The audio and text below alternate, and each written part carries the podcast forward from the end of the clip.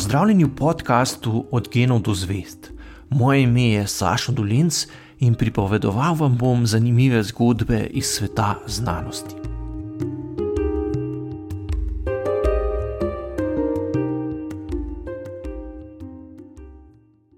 Skoraj vsi, ki javno govorijo o epidemiji in koronavirusu, se sklicujejo na znanstvene raziskave.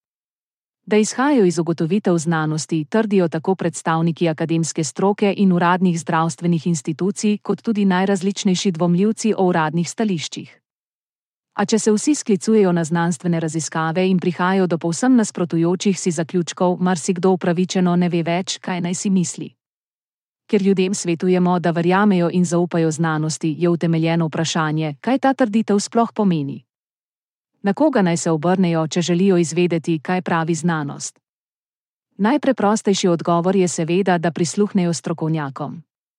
Vendar lahko hitro naletijo na težave, saj stališča vseh strokovnjakov niso nujno enaka. Običajen človek težko sam presodi, komu naj zaupa. Naj pri odločitvi glede cepljenja izhaja iz mnenja priljubljenega ginekologa. Naj verjame stališču slavnega Nobelovca. Ali je morda najbolj zaupanja vredna skupina strokovnjakov, ki ljudi nagovarja, naj se odločijo povsem drugače, kot pravi uradna medicina? V 18. in zgodnjem 19. stoletju so avtoriteto znanosti dejansko povezovali predvsem z osebno integriteto in avtoriteto posameznih intelektualcev. Čast in dobro ime znanstvenikov naj bi bila jamstvo, da govorijo resnico znanstvena združenja in akademije, v katere so se povezovali učenjaki, naj bi zagotavljale, da njihovim članom ljudje lahko zaupajo. Ako se je število znanstvenikov povečalo, se je sredi 19. stoletja pojavil nov trend, ki je poskušal avtoriteto znanosti vzpostaviti s sklicevanjem na znanstveno metodo. Do znanstvene vednosti so menda prišli s sledenjem postopku, ki naj bi zagotavljal verodostojnost rezultata.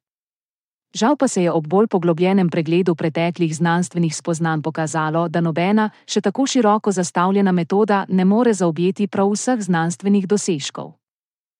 V sedanji znanstveni praksi tako velja, da je ključni mejnik, ko neka trditev postane zaupanja vredna, ko je objavljena v znanstveni reviji z recenzijo.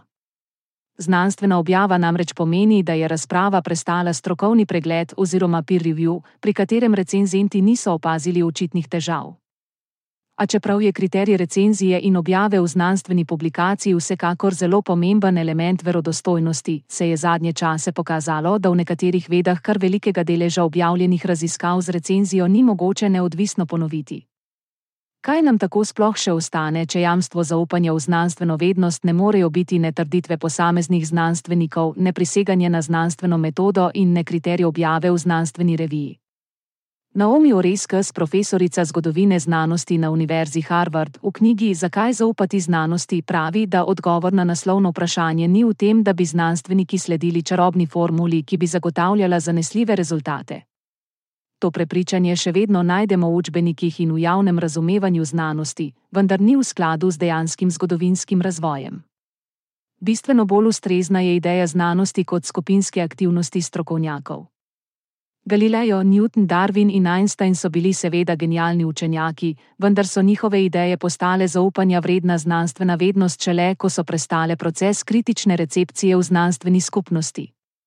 Šele ko znanstveniku uspe za idejo navdušiti druge učenjake, postane njegovo spoznanje veljavno.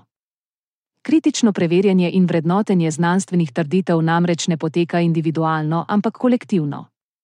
Znanstvena vednost, ki ji lahko zaupamo, je konsens znanstvene skupnosti.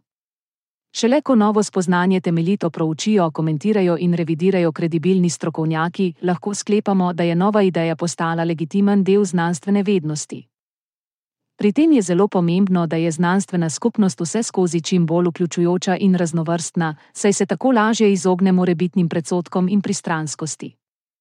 Dobrodošel je kdorkoli, ki se strinja s spoštljivo in argumentirano izmenjavo idej, seveda pa mora biti seznanjen z vsemi že obravnavanimi teorijami in razpravami z posameznega strokovnega področja.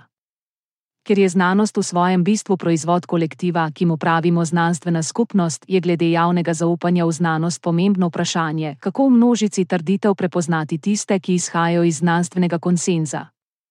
Najpreprostejše merilo je, da preverimo, ali neko trditev zagovarja le posamezni znanstvenik ali manjša skupina strokovnjakov, večina pa ji nasprotuje.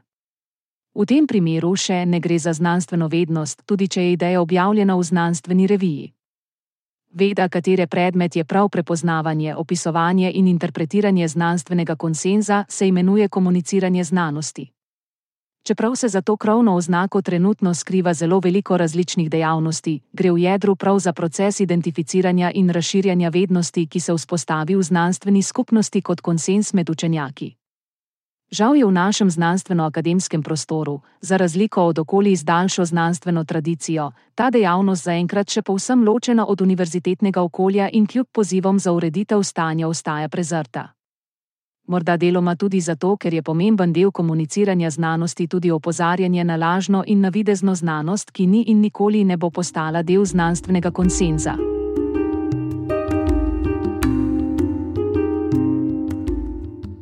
To je bil podcast Od genov do zvest.